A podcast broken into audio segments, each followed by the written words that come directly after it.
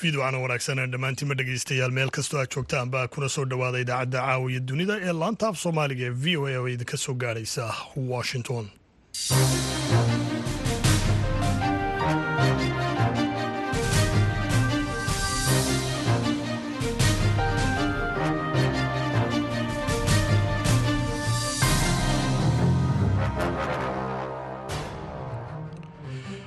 waa fiidnimo isniina taarikhduna ay tahay toddobylabaatanka bisha noofembar ee sannadka laba kun iyo saddexiyo labaatan waxaad naga dhegaysanaysaan mowjada gaagaabane lix iyo tobanka iyo sagaal iyo tobanka mitirban iyo weliba guud ahaanba dunidood nagala socotaana bogeyga v o a somali com haatan dhegaystayaal saacadda afrikada bari waxa ay tilmaamaysaa toddobadii fiidnimo idaacaddana waxaa halkan idinkala soo codsiin doona anigoo cabdixakiin maxamuud shirwac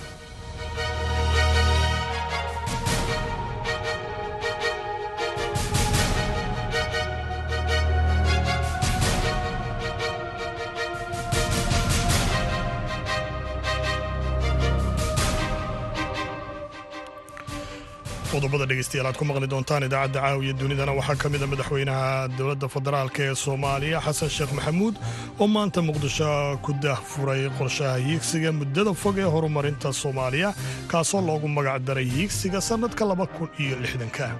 Saddexiyo labaatan sano meeshii lagu gaari karay lama gaarin. Daabis yaraan meeshaas yaan tuunsana inuu guligu jiro. Waxaan rabnaa marka inaan mar kale aan isisii energy tamar intaan isgelino aan dhaqaaqno waa koow inaan dhaqaaqnoon orodno keliya ma aha ee waxaa ka muhiimsan waxay tahay dhinaca iyo jihada aan u dhaqaaqaynahayna inay noo caddahay sidoo kale waxaad maqli doontaan barnaamijkii ilayska v o a oo toddobaadkana ku saabsan gargaarka soomaaliya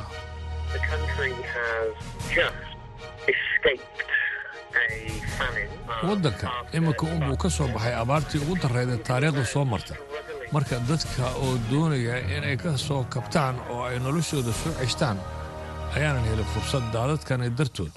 Waayo waxa ay yimaadeen durbadiiba markii abaarta laga baaqsaday. Sidoo kale waxaad maqli doontaan wararkii ugu dambeeyey dagaalka qasa barnaamijkii qurba iyo qodobo kale hase yeeshee marka hore ku soo dhowaada. Qaar ka mida qodobadii wararka adduunka ugu waaweynah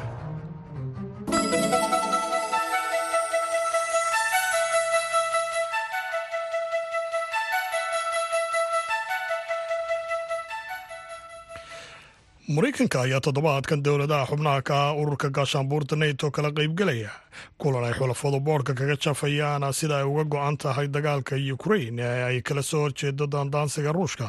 Sida uu sheegay sarkaal sare oo ka tirsan wasaaradda arrimaha dibadda ee maraykanku xogaya arrimaha dibadda maraykanka antony blinkan ayaa maanta ku wajahan magaalada brussels.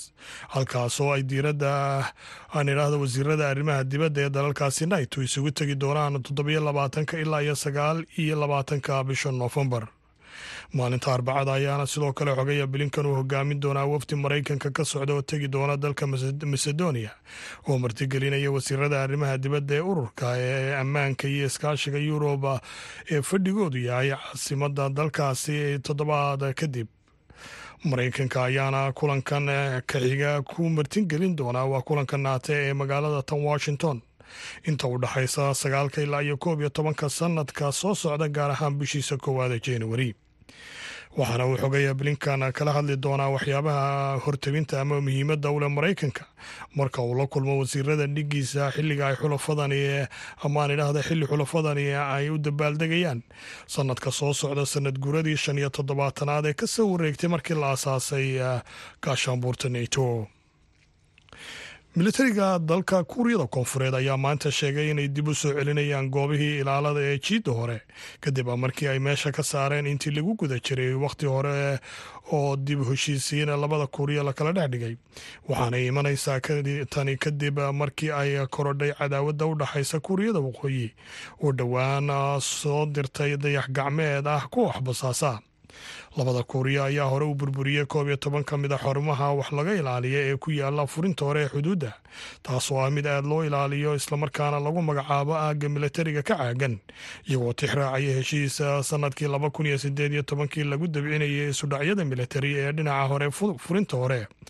Balse heshiiska ayaa hadda halis ku jira inuu burburo xilli labada kuuriyaba ay si furan ugu hanjabayaan inay ka tallaabsan doonaan heshiiskan la galay sannadkii laba kun iyo sideed iyo tobankii ayaa tilmaamaya in labada dalba ay joojiyaan. Basaasnimada hawada sare iyo weliba casriyeynta tijaabada hubka ee aaga duulimaadyada ka caagan iyo sidoo kale kuwa difaaca ay ka dhigeen kuwa militariga ka caagan iyo sidoo kale inay meesha ka saaraan goobaha ilaalada jiidda hore iyo miinooyinka dhulka lagu aaso heshiiska kadib ayaa kuuriyada koonfureed ay u hadheen konton xarumaha ilaalada ah halka kuuriyada waqooyina ay ku sii harsanaayeen boqol iyo konton ka mida goobahaasi wax laga ilaaliya ku yaalla jiidda hore. Dalka bakistan ayaa maanta bilaabay ololo muddo toddobaada soconaya oo ay cudurka dabaysha kaga tallaalayaan carruurta ku nool dalkaasi.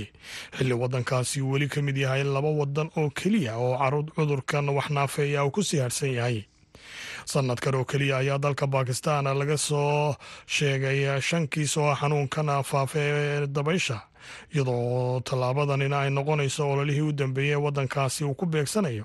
In ka badan afar milyan iyo afar boqol oo kun oo carruur ah oo ku noola guud ahaanba dalkaasi iyo sidoo kale gobolka kashmiir qeybta ay dalkaasi bakistan maamulaan dalkan ku yaalla koonfurta qaaradda eeshiya ayaa sannadkii laba kun iyo koob iyo labaatankii ku dhowaaday inuu cirib tiro cudurkan dabaysha. Kadib markii la soo sheegay keliya taa halkiisoo fayraska xanuunkan keenaa hase yeeshee sannadkii hore ayaa wadankan laga arkay koror oo ku yimi iyadoo labaatan kiis laga diiwaangeliyay dalkaasi.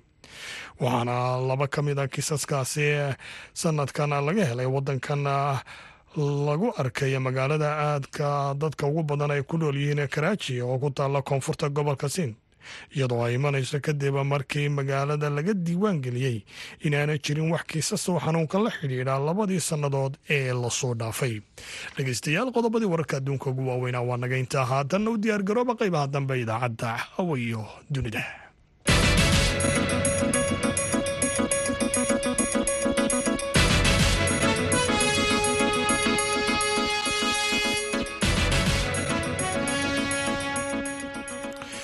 mar kale ayaan idin leeyahay dhammaantiinba fiidwacana wanaagsan meel kastoo aad joogtaanba. Aan ku bilowno dhinacayo magaalada muqdisho. Madaxweynaha dowladda federaalk ee soomaaliya xasan sheekh maxamuud ayaa maanta magaalada muqdisho ku daahfuray qorshaha hiigsiga muddada fog ee horumarinta soomaaliya kaasoo loogu magac daray hiigsiga sanadka laba kun iyo lixdanka. Hiigsigan ayaa looga gol leeyahay inuu udubdhexaad u noqdo jihaynta horumarinta soomaaliya iyo weliba midaynta qorshayaasha horumarinta ee heer qaran higsiga laba kun iyo lixdanka ayaa waxaa diyaarintiisa hogaaminaya golaha dhaqaalaha qaranka oo taageera iyo weliba khibrad ka helaya khubaro soomaali ah iyo weliba kuwo kaloo caalamiyaan wariyaha v o eda xasan kaafi cabdiraxmaan qoyste ayaa warbixin arrintaasi ku saabsan nooga soo diray magaalada muqdisho. Madaxweynaha dowladda federaalka soomaaliya xasan sheekh maxamuud ayaa daafuray hiigsiga soomaaliya ee labada kun iyo lixdanka oo saldhig u ah horumarinta nolosha xoreynta iyo xasilinta dhismaha kaabayaasha dhaqaalaha iyo dowladnimada soomaaliya. Munaasabadan oo ay ka soo qayb galeen mas'uuliyiin ka tirsan golayaasha dowladda wakiilada beesha caalamka iyo ururada bulshada rayidka ayaa lagu soo bandhigay qorshayaasha muddaysan ee horyaalla shacabka iyo dowladda soomaaliyeed madaxweyne xasan sheekh oo munaasabadda khudbad ka jeediyey ayaa ugu horeyn ka hadlay mudnaanta hiigsiga maanta la soo bandhigay. Hiigsiga maanta la soo bandhigay ee laba kun iyo lixdan qarniilaha ah na waxay tahay riyadii oo in aan rabno inaan ka dhabayno. Ummadda soomaaliyeed jamhuuriyaddii saddexaad markii la aasaasay magaalada cartay dalka jabuuti ilaa iyo maanta horumar ayaa la samaynayay maamul kasta hoggaan kasta cid kasta oo joogtahay dalka wuxuunbay ku sii daraysay horaa loo socday. Welina horu socodkaan ku jirnaa bas waxoogaa yar waa isdhaliilsannahay waxaan leenahay saddex iyo labaatan sano meeshii lagu gaari karay lama gaarin. Daabis yaraan meeshaas yaan tuunsana inuu weligu jiro.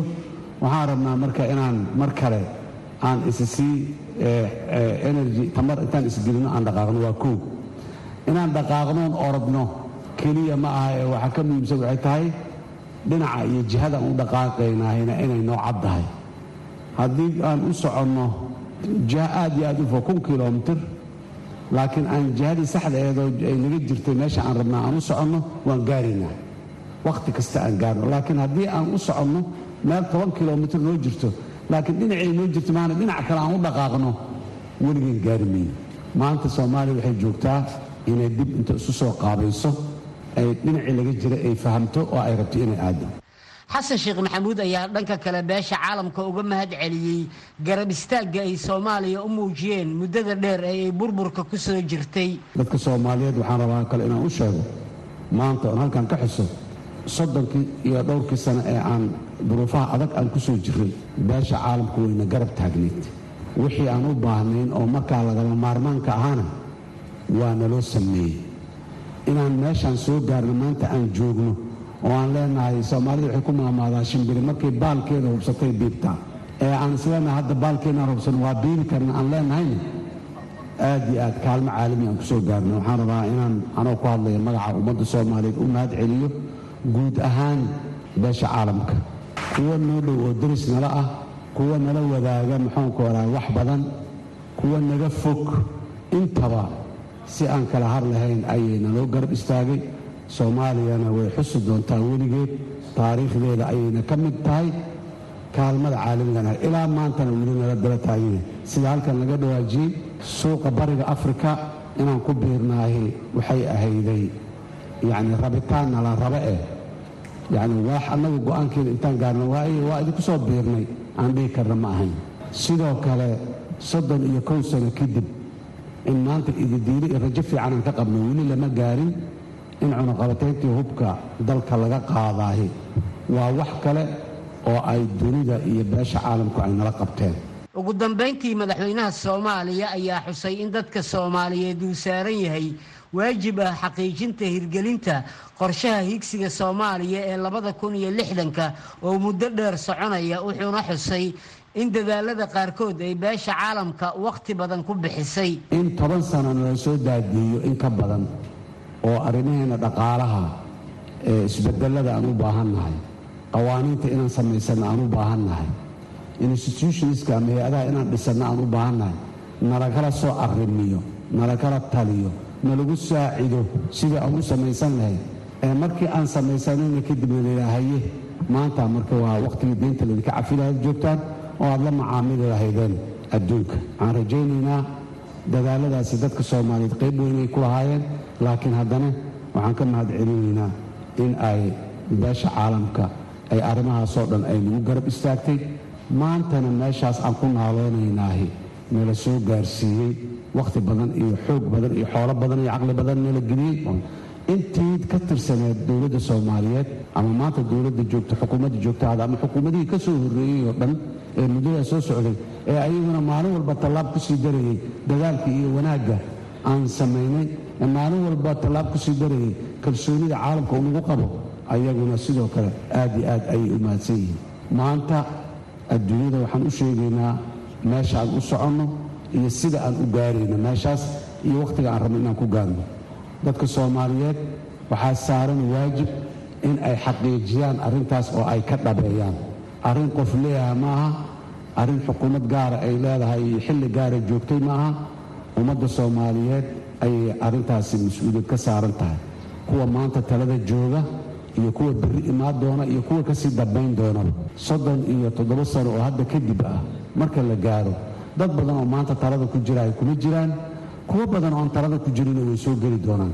Higsiga labada kun iyo lixdanka ayaa ka kooban saddex qaybood oo kale ah yoolka dhow ee labada kun iyo saddex iyo labaatanka ilaa labada kun iyo shan iyo labaatanka kaasoo ku salaysan xasiloonida dabargoynta argagixisada iyo xal u helista arrimaha bani-aadminimada. Yoolka labaad ee muddada dhexe oo ah labada kun iyo shan iyo labaatanka ilaa labada kun iyo afartanka ayaa diiradda saaraya dhismaha awoodaha hay'adaha dib u habaynta qaab dhismeedka dowladda iyo xaqiijinta maamul wanaagga yoolka saddexaad ee muddada fog oo ah labada kun iyo shan iyo soddonka ilaa labada kun iyo lixdanka ayaa isaguna xoogga saaraya horumarinta dhaqaalaha kor u qaadista heerka nolosha iyo iskuduubnida bulshada. Xasan kaafi qoyste v o a muqdisho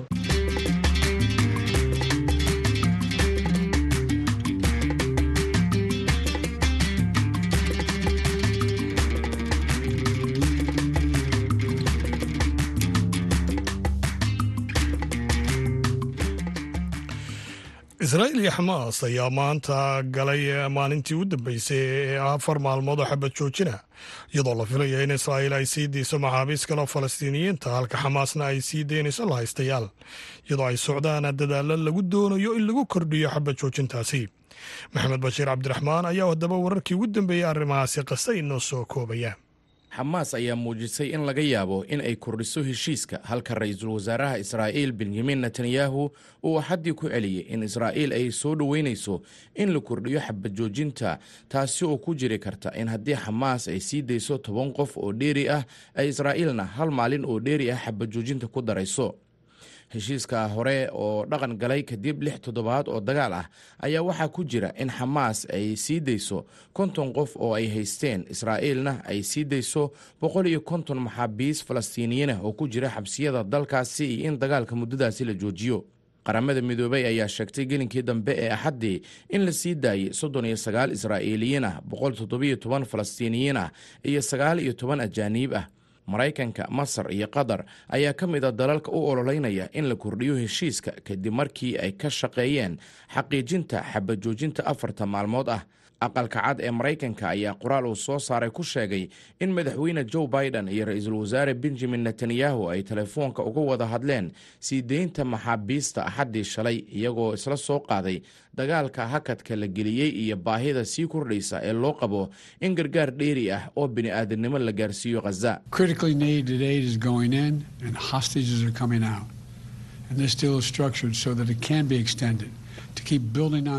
joe biden waxa uu yidhi gargaar si weyn loogu baahan yahay ayaa gelaya khaza lahaystayaalna way ka soo baxayaan. waana wax si nidaamsan ku socda oo la kordhin karo. Natiijadoodana wax lagu dhisi karo.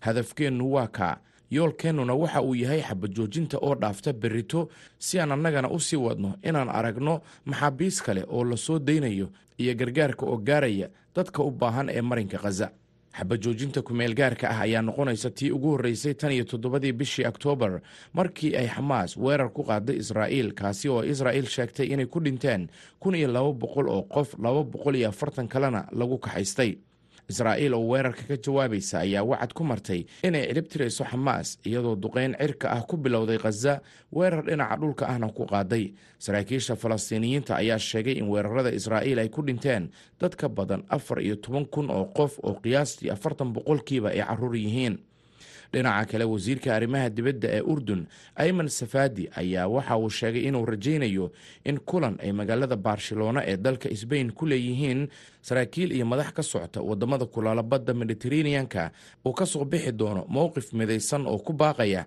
in xabad joojinta kumeelgaarka ah ee khaza ka dhaqan gashay loo bedelo mid rasmi ah we believe we want to convince our partners that this war must end because it's producing nothing. Uh, what is this war achieving other than killing people? ayman safaadi waxa uu yidhi waxaan doonaynaa in aan farqiga soo yarayno waxaanna aaminsannahay inaan u baahannahay in saaxiibadeenna aan ka dhaadhicinno inay tahay in dagaalkan uu dhammaado maadaama uusan waxba soo kordhinayn maxaa dagaalkan lagu gaarayaa oo aan ahayn dad la laayo iyo nolol la burburiyo iyo abuurista nacay baahsan iyo nolosha bini'aadamka oo la liido taasoo keenaysa in wakhti dheer iyo jiilal soo socda uu nagu qaato gaarista mustaqbalka aan doonayno inaan hiigsanno.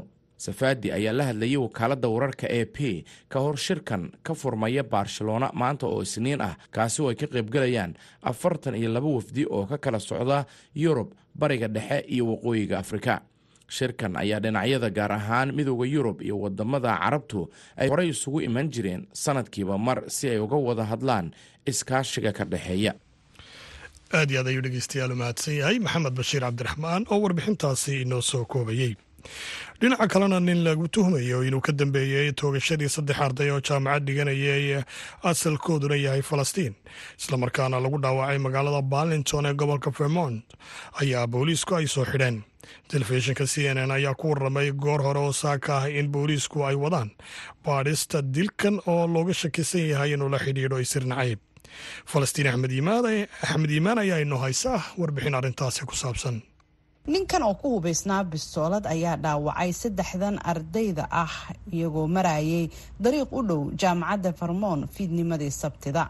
Eedeysanaha ayaa baxsaday sida ay sheegeen booliiska barliton warbaahinta c n n ayaa sheegtay in eedeysanahan lagu magacaabo jason j. Eaton uu yahay afartan iyo sideed jir waxaana la xiray galabnimadii axadda booliiska barleton iyo xafiiska duqa magaalada ayaan si deg dega uga jawaabin. Codsi ay wakaalada wararka ee reuters ay u dirtay oo ku saabsanaa inay ka warbixiyaan xarigan laba ka mida dhibanayaasha ayaa ah muwaadiniin maraykan ah halka kan saddexaadna uu yahay qof si sharci ah ku degan maraykanka. Dhammaantoodba waa labaatan jiro sida ay booliisku sheegeen.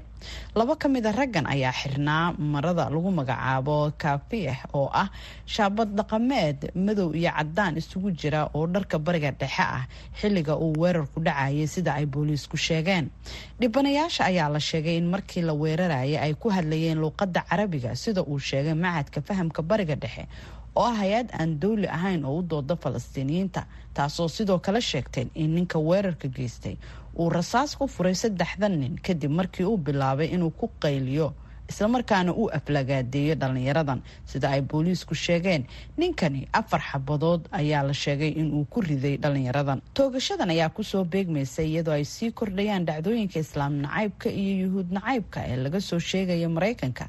Tan iyo markii uu bilowday dagaalka u dhexeeya xamaas iyo israa'el toddobadii oktoobar. Kooxaha gurmadka ayaa la arkayay iyagoo la sii cararaya dhaawacyada taliyaha booliiska ah ee barleton john murad ayaa waxa uu sheegay in qofna uusan dhacdadan oo kale fiirin karin isagoo intaasi ku daray in qofnaha uusan ka shakinaynin dhacdadani inay ahayd dembi nacayb duqa magaalada miro wensberger ayaa yiri in ay jirto calaamado muujinaya in toogashadani ay salka ku haysay sirnacayb waa mid xanuunkeeda leh.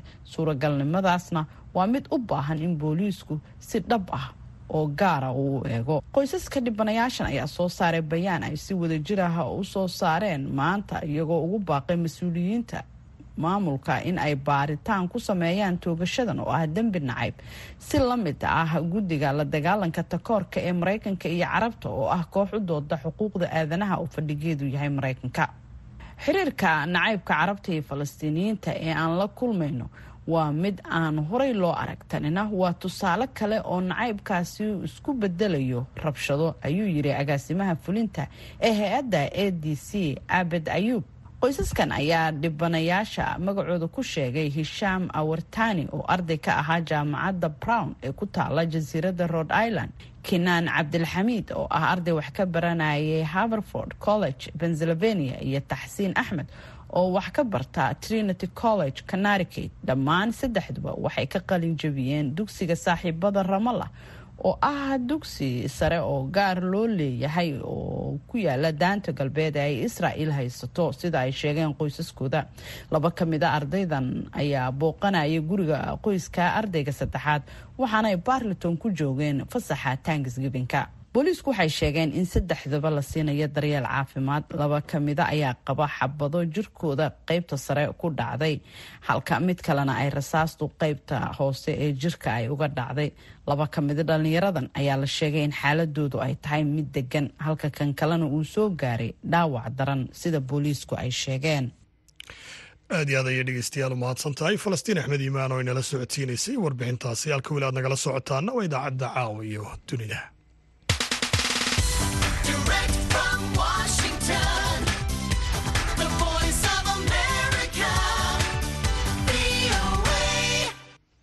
haatana dhegeystayaal ku soo dhowaada barnaamijkii ilayska v o a oo toddobaadkana ku saabsan gargaarka soomaaliya xilli ay kumanaan qof la dhibaataysan yihiin.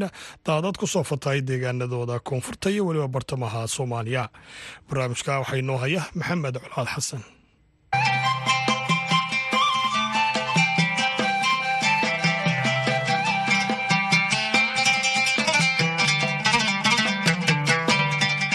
tirada dhimashada ay sababeen daadadka ku rugmaday meelo badan oo soomaaliya ah. Ayaa toddobaadkii taga gaartay konton qof sida ay sheegtay dowladda soomaaliya. Waxaa kaloo ku barakacay in ka badan toddoba boqol oo kun oo qof. Inkastoo tirada ay sida goonigoonida ah u sheeganayaan maamul goboleedyada marka la ysku geegeeyo ay u eg tahay in tirada dadka uu saameeyey iyo kuwa ka barakacay ay intaasi ka badan karto. Dhibaatadu way xooggan tahay. Haddana waxaa soo baxaya in gargaarku uu yar yahay taasoo ay ugu wacan tahay amniga gobollada qaar jidadkii iyo buundooyinkii oo burburay. Hay'adda maareynta musiibooyinka qaranka ee soomaaliya ee marka la soo gaabiyo la yidhaahdo sodma ayaa sheegtay inay u diyaargaroobeen inay gargaaraan dadka intii karaankooda ah oo ay meelaha qaarna hadda gaarsiiyeen. Raashin iyo dawo waa kan guddoomiyaha hay'adda sodma maxamed macalin cabdulle. Gargaarkii hadda ugu dambeeyey waxaan ka bixinay baydhabo oo inta ugu xoogan hadda ay beryahan ka jirtay. Dabcan dhinaca jubbadana waan jirnaa oo hadda shaqo laga wadaa.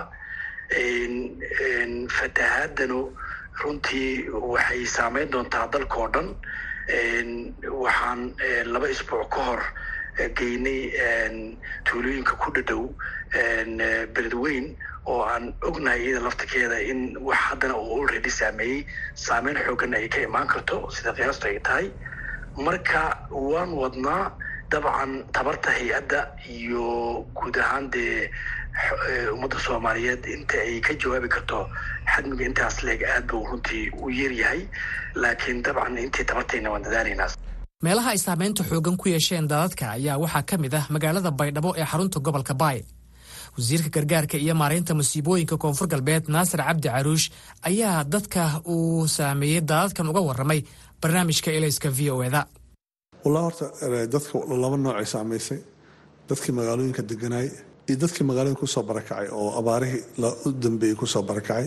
Dadka hadda koonfur galbeed oo ay saameeyeen fatahaadaha oo guryahooda biyo galeen ama ka barakacay marka la isku daro waa dad ka badan shan boqol oo kun degmooyinka gobolka baay u badan degmada baydhabo degmada bardaale degmada buurakaba saddexdaas degme aad u saameeyeen gobolkan.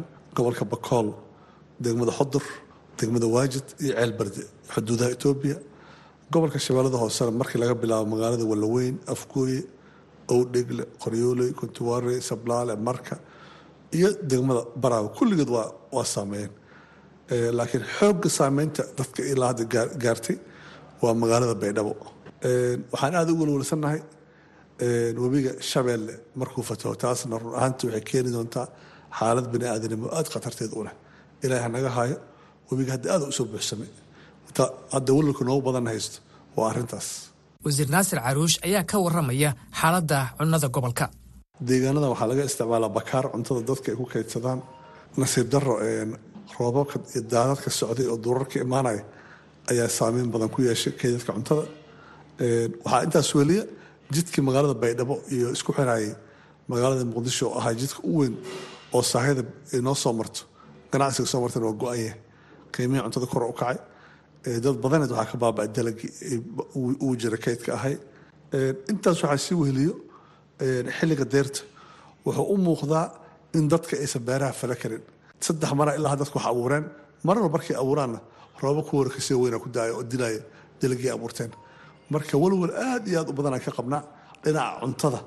Markii la gaaro bilaha january february march la gaaro inay arrin oo dhinacaas cunto yari inay imaan doonto. Naasir cabdi caruush ayaa ka warramaya sidoo kale ilaa iyo hadda gargaarka lala gaaray dadka ay daadadku saameeyeen. Gurmadka horta aada u yaryaa sanadkan adduunka o dhan dhaqaalo xumaa ka jirta. Meesha la rabay gurmadka ma gaarsiisna? Waa bilow. Hay'adaha waa dadaaleen waxyaalo yararay qabteen ayagoo dhaqaalo badan ay haysanin. Annaga dowlad ahaan waxaan sameynay guddi. Fatahaadda holaasi ku dubaridaya oo qaylo dhaan hay'adaha shaqada u fududaynayo lacag aruuris. Adi howlo badanaa socdo laakiin meeshii laga rabo ma gaarsiisna. Insha allah hawsha aan wadno iyo dadaalkana waa kordhinaynaa. Gurmadkana waa bilaaw waxaan ka shaqaynaa hay'adaha in shaqada loo fududeeyo oo aan u sahalno in deegaan walba koonfur galbeeda dadka la gaarsiiyo gurmad haddii ilaah yiraahdo sidoo kale deegaano badan oo ka tirsan dowlad goboleedka jubbaland haba ugu daraado gobolka gedo ayaa daadadku ay si weyn u waxyeeleeyeen. Agaasimaha guud ee wasaaradda gargaarka iyo maareynta masiibooyinka jubbaland aadan faarax gaarane ayaa barnaamijka elayska uga warramay saameynta daadadku ay ku yeesheen gobolka. Waxaan kuu xaqiijinayaa ilaa iyo in ka badan nus milyuun ruux oo dadka shacabka ee ku nool deegaanada jubbaland ayay fatahaadahan iyo daadadkan roobabka elninooda ay saameeyeen barakac dad ilaa aan ku qiyaasnay laba boqol iyo soddon iyo shan kun iyo saddex boqol oo ruux ayaa ku barakacday. Runtii dad ka badan ilaa boqol iyo soddon kun oo qoys ayaa ku go'doonsan ama ruux ayaa ku go'doonsan biyaha oo u baahan in laga soo daadgureeyo. Dhimashada hadda waxay maraysaa labaatan inta uu noo diiwaangeliya xafiiska gurmadka degdega iyo masiibooyinka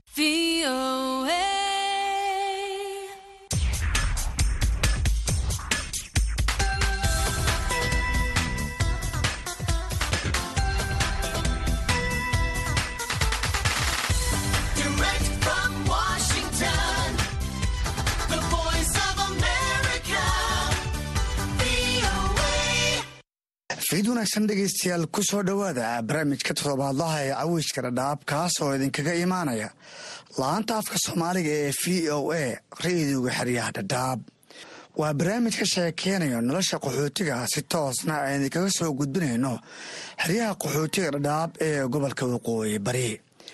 Barnaamijka waxaad ku dhegaysan doontaan toddobaad walba labada mawduuc ee igu hadalhaynta badan yihiin bulshooyinka ku nool xeryaha qaxootiga iyadoo dhegeystayaasheenna dhadhaab iyo deegaanada ku xiran ay naga dhegeysan karaan idaacadda f m-ka v o eda dhadhaab ee ka soo gasha mawjadda f m-ka hal eber lix dhibic todoba megahartis barnaamijkeena caawa qodobada aad ku maqli doontaanna waxaa ka mid noqon doonaa roobabka ka da'aya gobolka waqooyi bari iyo fatahaadaha ka dhashay roobabkaasi ayaa saameyn toosa ku yeeshay nolosha kumanaan qoys oo ku nool xeryaha dhadhaab ee gobolka waqooyi bari. Sidoo kale culimmada ku nool xeryaha iyo waxgaradka ayaa ku baaqay in loo gurmado qoysaskaasi ku barakacay gudaha xeryaha kuwaas oo badankood hoy ka dhigtay goobaha waxbarashada ee ku yaalla gudaha xeryaha kama marno xubintii shakhsiga oo toddobaadkan marti ku yahay cali haruuse cabdi oo ka warrami doona xiriirka ka dhexeeya dhaqashada xoolaha iyo dhallinyarada xilligan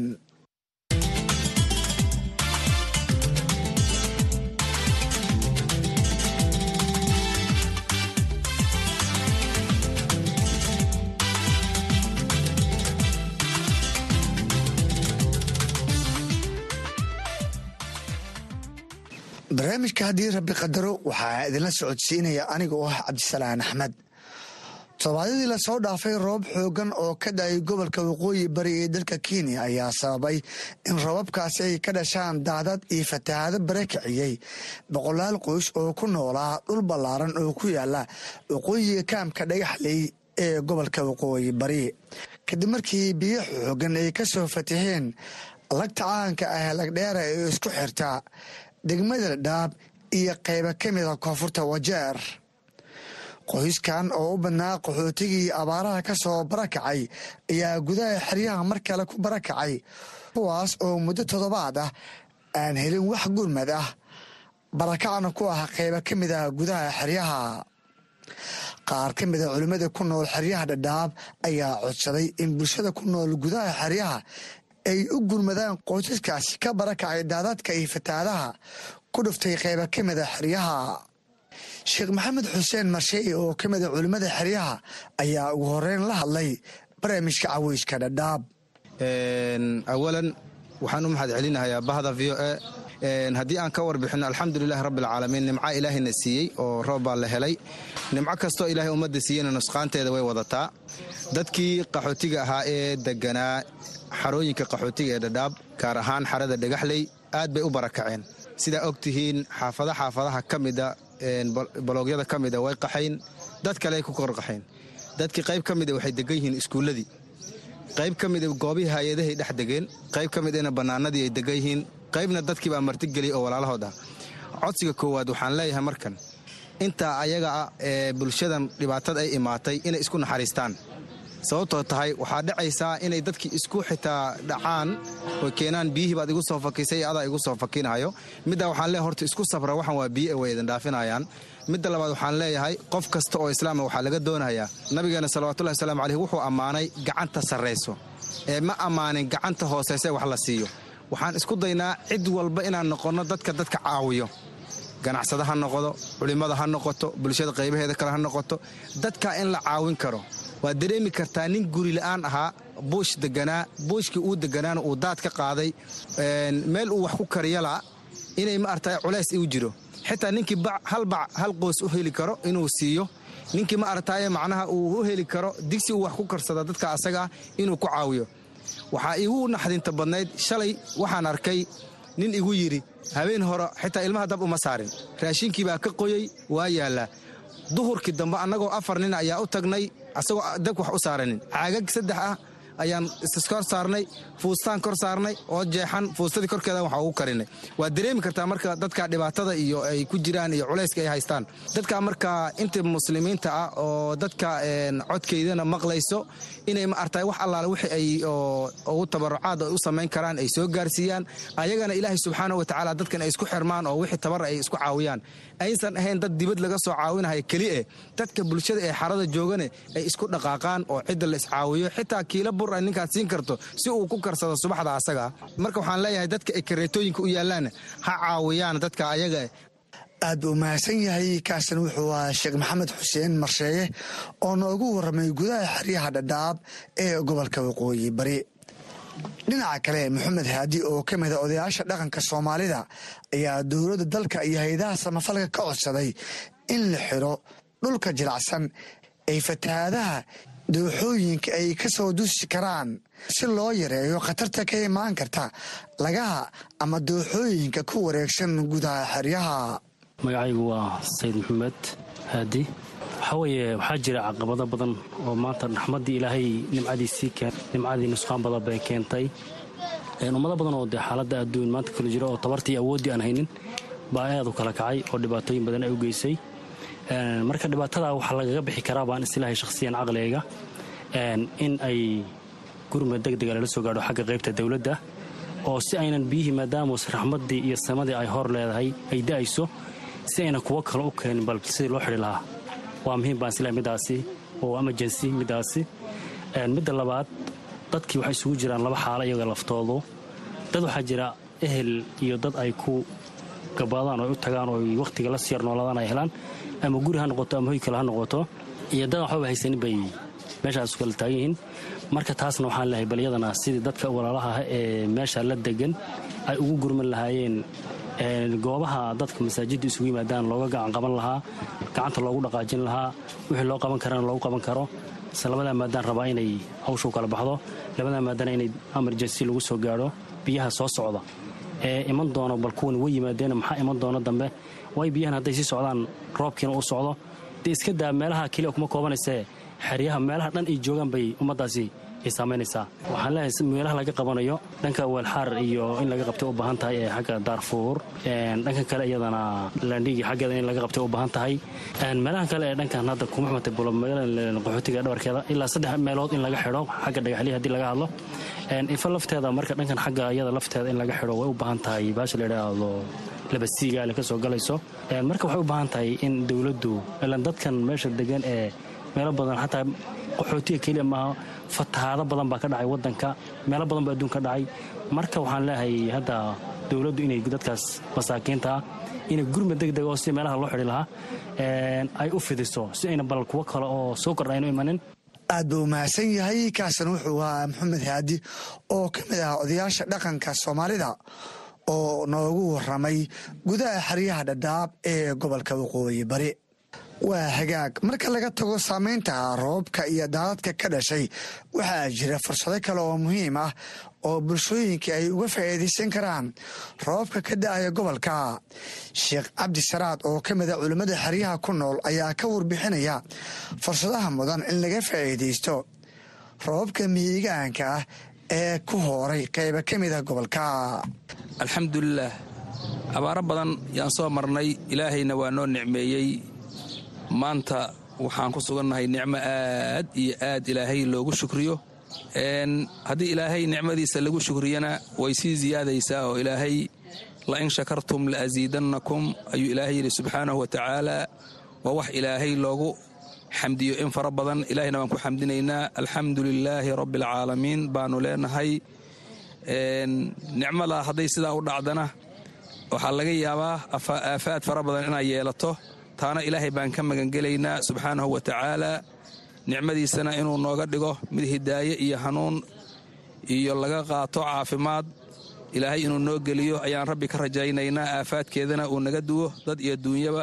Marka nicmooyinka ilaahay uu siiyey oo ummadda uu ku galadeystay waa mid mudan in laga faa'iidaysto.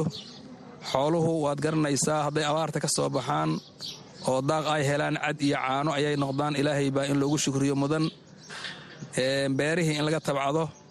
Meel kasta oo nicmada ay sidaas ugu dhacday waa laga faa'iidaystaa. Inta badan waan ogsoonnahay qaxootiyada ayaan ku sugannahay. Hay'ada umaa gacanta loo hoorsadaa oo moordii waxaan macno lahayn baa feel loo galaa laakiin basdhiga hadduu ilaahay uu dhigay gelaydii iyo moordidii iyo digirtii iyo qarihii iyo sisintii iyo wax walba ayaa waddanka ka baxaya. Ilaahay baa noogu deeqay in laga faa'iidaysto ayaa meesha ku jirta laakiin kuma aanan baraarugsanin taana waxaan leeyahay ummadda yayan kusasine ilaahayna ha lagu shukriyo hana laga faa'iidaysto. Aafaadkana insha allahu marka ardada dadka jooga ee deggan ayaa la rabaa markaas in ay ka faa'iidaystaan beeraha aan sheegayo. Nin walba meeshii ilaahay uu makaniyey oo waddan uu aga dhigay oo uu ku barbaaray haddii ilaahay nicmo uu ku siiyo inuu ka faa'iidaysto ayaa la rabaa. Aad buu mahadsan yahay kaasan wuxuu ahaa sheekh cabdi saraad oo ka mida culimmada oo u warramay barnaamijka caweyska dhadhaab oo si toosa idinkaga imaanaya la'aanta afka soomaaliga ee v o a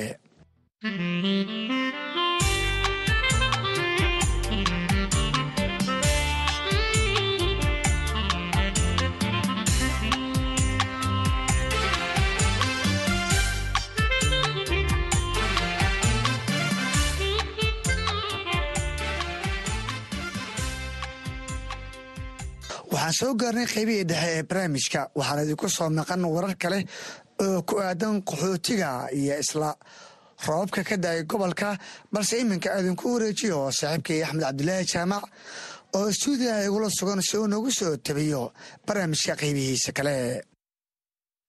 Mahadsanid cabdisalaan axmed dhegaystayaal waxaad nagala socotaan barnaamijka caweyska dhadhaab oo aad ka dhegaysanaysaan.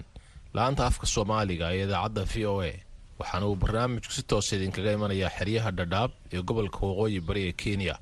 Magacaygu axmed cabdulaahi jaamac ku soo dhowaada warbixinno kale oo la xidhiira nolosha dadka ku nool xeryaha qaxootiga oo qayb ka ah barnaamijka caweyska dhadhaab ee toddobaadkan. Waxaa ka mid a qodobada aad ku maqli doontaan xubintii shaqsiga oo toddobaadkan uu marti noogu yahay. Cali horuuse cabdi oo ah nin dhallinyaro ah oo aan ka waraystay xiisaha ay dhallinyarada soomaaliyeed ee xilligani u hayaan dhaqashada xoolaha waxaad kale oo maqli doontaan saamaynta ay roobka ku yeesheen dadka ku nool xeryaha qaxootiga ee dhadhaab gaar ahaan kuwooda aan guryaha haysan oo sii kordhaysa. Haddii aan ku bilaabo dhegaystayaal xubinta shaqsiga dhallinyarada soomaaliyeed ee xilligan ayaa la sheegayaa inaanay xiise badan u haynin dhaqashada xoolaha. Dhallinyaro badan oo ku noolaa baadiyaha ayaa sanad walba ku biiraya magaalooyinka iyagoo iskaga imanaya xoolihii ay dhaqaalayn jireen. Cali huruuse cabdi oo ah nin dhallinyaro ah oo u dhuun daloola dhaqanka iyo dhaqashada xoolaha ayaan ka waraystay xiriirka ka dhexeeya dhaqashada xoolaha iyo dhallinyarada soomaaliyeed ee xilligan. Dhammaan dhallinyarada maanta joogtaa ma aaminsana xoolo. Waxay aaminsan yihiin magaalo iyo waxbarasho iyo tiknoloji iyo horumarradaa hadda socda. Dadka hadda xoolaha xiisaynaya waa dadkii waaweynaa ee garanayey xoolaha waxa ay yihiin. Dhallinyaradu hadda maba yaqaanaan xooluhu waxa ay yihiin. Marka dee wacyi kastaaba dadkiisu wataa sanad kastoo yimaadaa dadkiisuu la yimaadaa sidaa la adligeedniyahu dhallinyaradu ma aaminsana xoolaha nool dhaqashadooda iyo waxtarkooda midna. Doorkii ee dhallinyaradu qaadan jireen oo ahaa raacista aroorinta oodista waraabinta iyo doonista baayada xooluhu markay lumaan. Haddii aan dhallinyaradiiba xoolihii ka shaqaynayn yaa doorkaa qaata. Axmedow horta inta badan dadka maanta xoolaha leh ee xoolaha nool dhaqdaa waa dad duruufi ku xidhay oo weli meelay magaalo u maraan la. Iyo dad dibadaha jiro oo dadkoodiiba magaalooyinka joogaan. Oo xoolihii iyagu doonaya in dad kale u dhaqaan. Dadkaa duruufuhu xidheen. Waxaan aaminsanahay qof waliba xilligu jaanis helo unbuu xoolaha ka siibtaayo waynu ognahay oo intaa dee magaalooyinka waxaa soo gala dad cusubo ama xoolihii ka soo dhammaadeen ama iskagaba yimi xilliga abaaruhu ku dhibaateeyaan. Iminka waxaad mooddaa in xiiso hor leh dadkii dibadaha aaday ee qurbaha inaga aaday ay xoolaha u hayaan. Ilmahoodii baadiyaha ma joogaan magaalooyinkay wax ku bartaan. Hase yeeshee inay xoolo dhaqdaanna way doonayaan. Iminka marka waxaa ii muuqda in la shaqaalaysiiyo dadyow cusub oo baahiyi u geysay inay xoolaha dadadka kale u dhaqaan oo xoogaa shilimaa si ay ugu noolaadaan ka qaataan dad soomaali ah iyo dadaan soomaali ahaynba hadda waa loo adeegsadaa xoolaha. Hase yeeshee dee wakhtigii hore xoolaha nin kale baa haysan jiray raacdaysan jiray ilaalin jiray baadidoodana dooni jiray. Maanta tii meesha ma taallo marka waxaad arkaysaa nin kule geel baan leeyahay. Shaqaalaa ii hayo oo halkaasuu joogaayo wakhtiyada roobku du'aawun baan aadaa. Shaqaalaha ii hayaana lacag bay iga qaataan. Xoolihiina dee mar walba lama gadi karo oo saylad ma taagnaan karaan. Marka waxaan aaminsanahay ninkaasi wuxuu uga jeedaa war xoolaan leh. Caliyow maxaa sabab u ah in dhallinyarada soomaalida xilligan ay ka tagaan rabitaankii xoolaha? Axmedow wax badan baa horta sabab u ah. Innaga soomaali ahaan xoolodhaqataynu ahaan jirna dowladdeennii way burburta dadkiina dhan walba wuu ka burbura. Sidaa la'adligeed abaaraa haddana dalkii ka dhacay oo aafeeyey xoolihii. Teknolojiyad iyo muxuu ahaaye adduunyooyinkii oo horay tallaabo u qaaday oo aad mooddo inay ka guurayaan xoolihiina dee waynu aragnaa innaguna ka mid baynuna. Sidaa la'adligeed waxaad mooddaa noloshiibaa waxay ka baxday. Ka hoos baxday xoolihii lagu noolaa. Waad og tahay axmedow maanta gurigaaga inta badan waxaa laga yaabaa inaan laga cunin oon xoolaad. Bariiskii baa yaalla baastadii baa taalla sonkortii baa taalla saliiddii baa taalla. Carruuraha guriga inoo jooga saliid caddayda iyo subagga xoolaha waxay jecel yihiin saliid caddayda. Taasaa marka waxay keenaysaa dadkii yaryaraa ama jiilashii soo kacayay inay aaminaan xooluhu inaanay waxbaba ahayn marka waxaan aaminsanahay dadkan hadda aynu wakhtiganaynu joogno. Wakhtiyo hadda inagu soo foolle oo iman doona. Dee hadda wuxuun baynuba xoolaha ka sii haynaaye in si cad looga gudbi doono oo la odhan doono wakhti baa xoola la dhaqan jira hadda weli waxbaabaa laga sii dhaqdaa. Marka wakhtigaa keenaya axmedow in xoolihii iyo dadkii kala dhaqaaqaan oo la yidhaahdo xoolihii loo arko inaanay waxba nolosha ku soo kordhinaynin. Sidee dhallinyarada soomaalida xilligan loogu soo jeedin karaa qiimaha ay xooluhu leeyihiin? Waxaa loogu soo jeedin karaa axmedow xoolihii in marka koowaad sida saxda ah looga faa'iidaysto. In xoolihii suuq loo helo. Xoolihii in suuq loo helo. In caanihii xoolaha suuq loo helo. In dadka la fahansiiyo qaabka xoolaha loo dhaqdo. Waad og tahay wadammada horu maray. Siyaabaha xoolaha ay uga faa'iidaystaan innagu ugama faa'iidaysanno. Waxaa laga yaabaa xoolihii adiga oo si dhib yar ku dhaqaalayn kara inaadan fahansanayn sidaad ku dhaqaalayn lahayd. Waad aragtay caalamka markaad fiiriso tadarin wax laydhaahdo baadhookin waxyaabo badan baa xoolaha lagu xanaaneeyaa hase yeeshee innagu ma fahansanin. Waxaa dhici karta geedaha duurka ka soo baxay ama ugbaadka duurka ka soo baxay xilliga uu dhammaado ee abaari dhacdo. Xoolihii abaartaasay kaa raacayaan. Ma haysid qaab kale oo aad xoolaha ku xanaanayso inta ay roob ka gaadhayaan. Taasaa marka waxay u baahan tahay in dib laysula fiiriyo qaabkii aynu xoolaha u xanaanayn lahayn oo aynu ka baxno xoolahan roobka ku xidhane xoolaha noloshooda aynu u fahanno qaabka ay tahay. Ugu dambayntii caliyow dhallinyarada soomaalida xilligan maxaad kula talinaysaa? Maxay tahay taladaada ku aadan ka faa'iidaysiga iyo jacaylka iyo qiimaha xoolaha? Ee u sheegayso dhallinyarada soomaaliyed dhallinyarada soomaaliyeed waxaan aaminsanahay horta inay iminka ka mid yihiin dhallinyarooyinka aad wax u bartay dhallinyarada aad wax u bartay inay ka mid yihiin.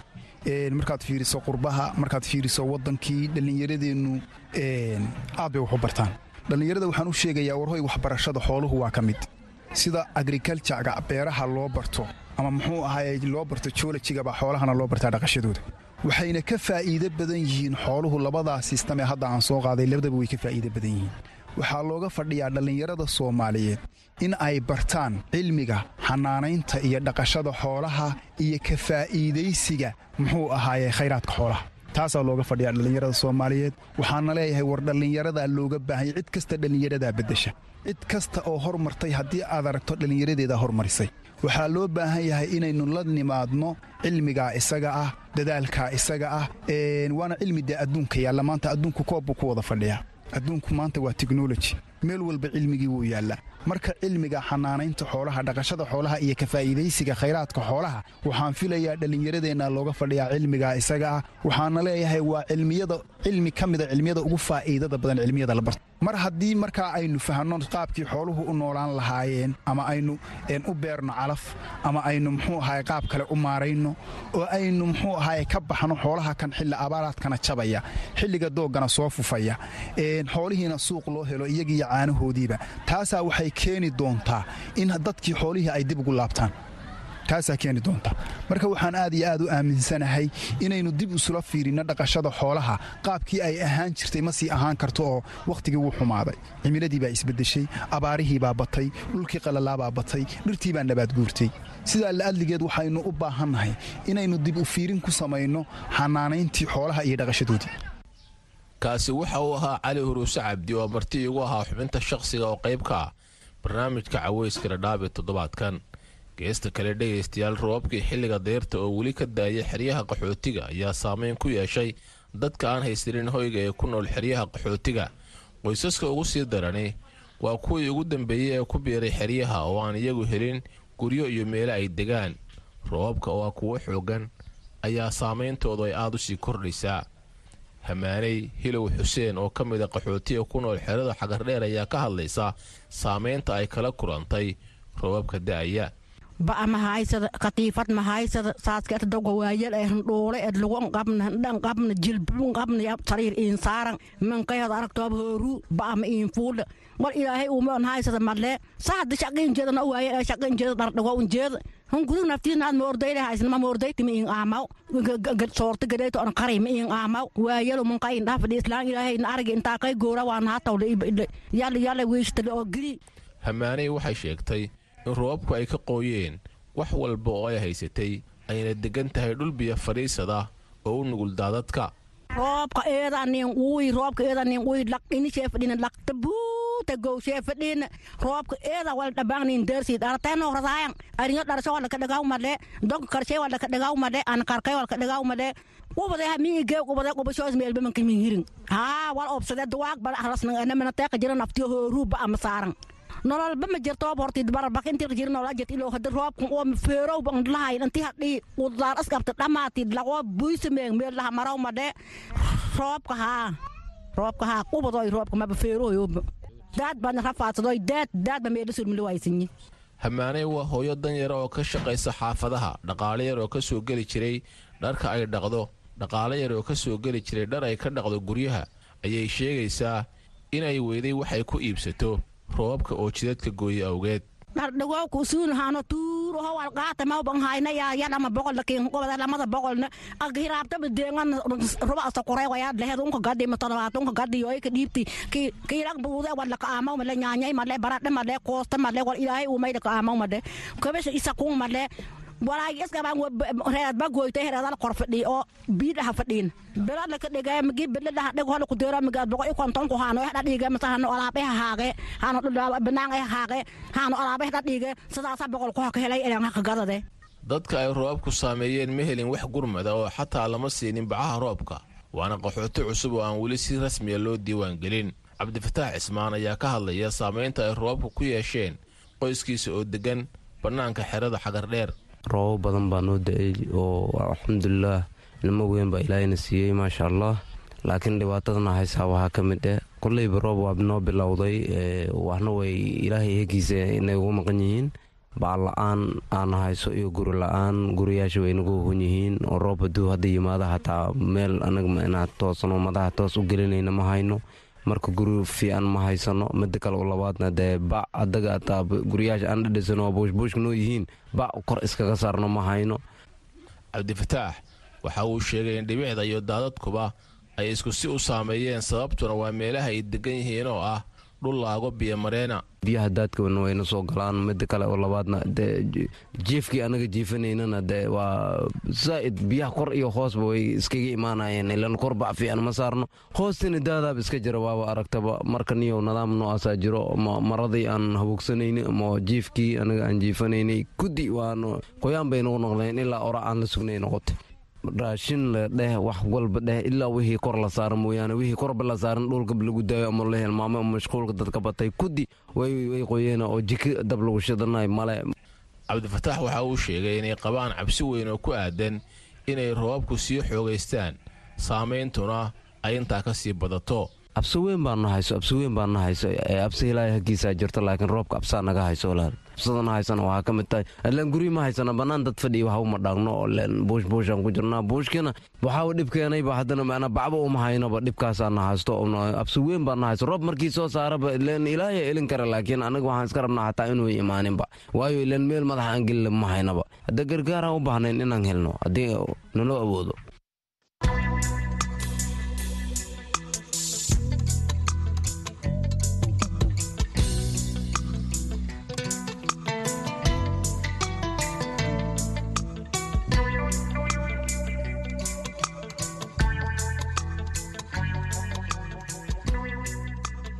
dhegaystayaal inta ayuu inuugu egyahay barnaamijkii caweyska dhadhaab ee toddobaadkan. Intaas aanan ka bixin aan mar kale mikrofoonka ku soo dhoweeyo saaxiibkay cabdisalaan axmed cabdisalaan oo barnaamijka ila daadihinayey mahadsanid axmeddheere dhegaystayaal haatanna aan ku nasanno mid ka mid ah kaalimaha sugaanta.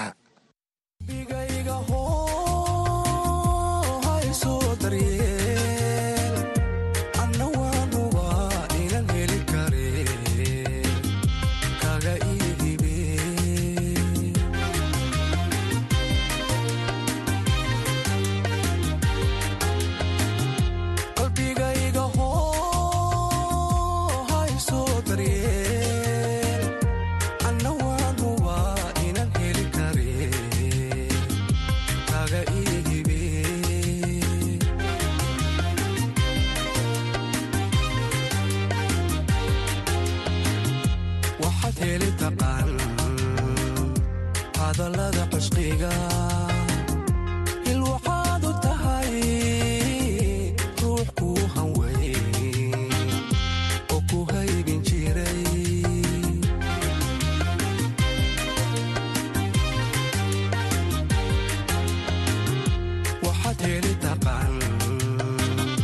hadalada cashqiga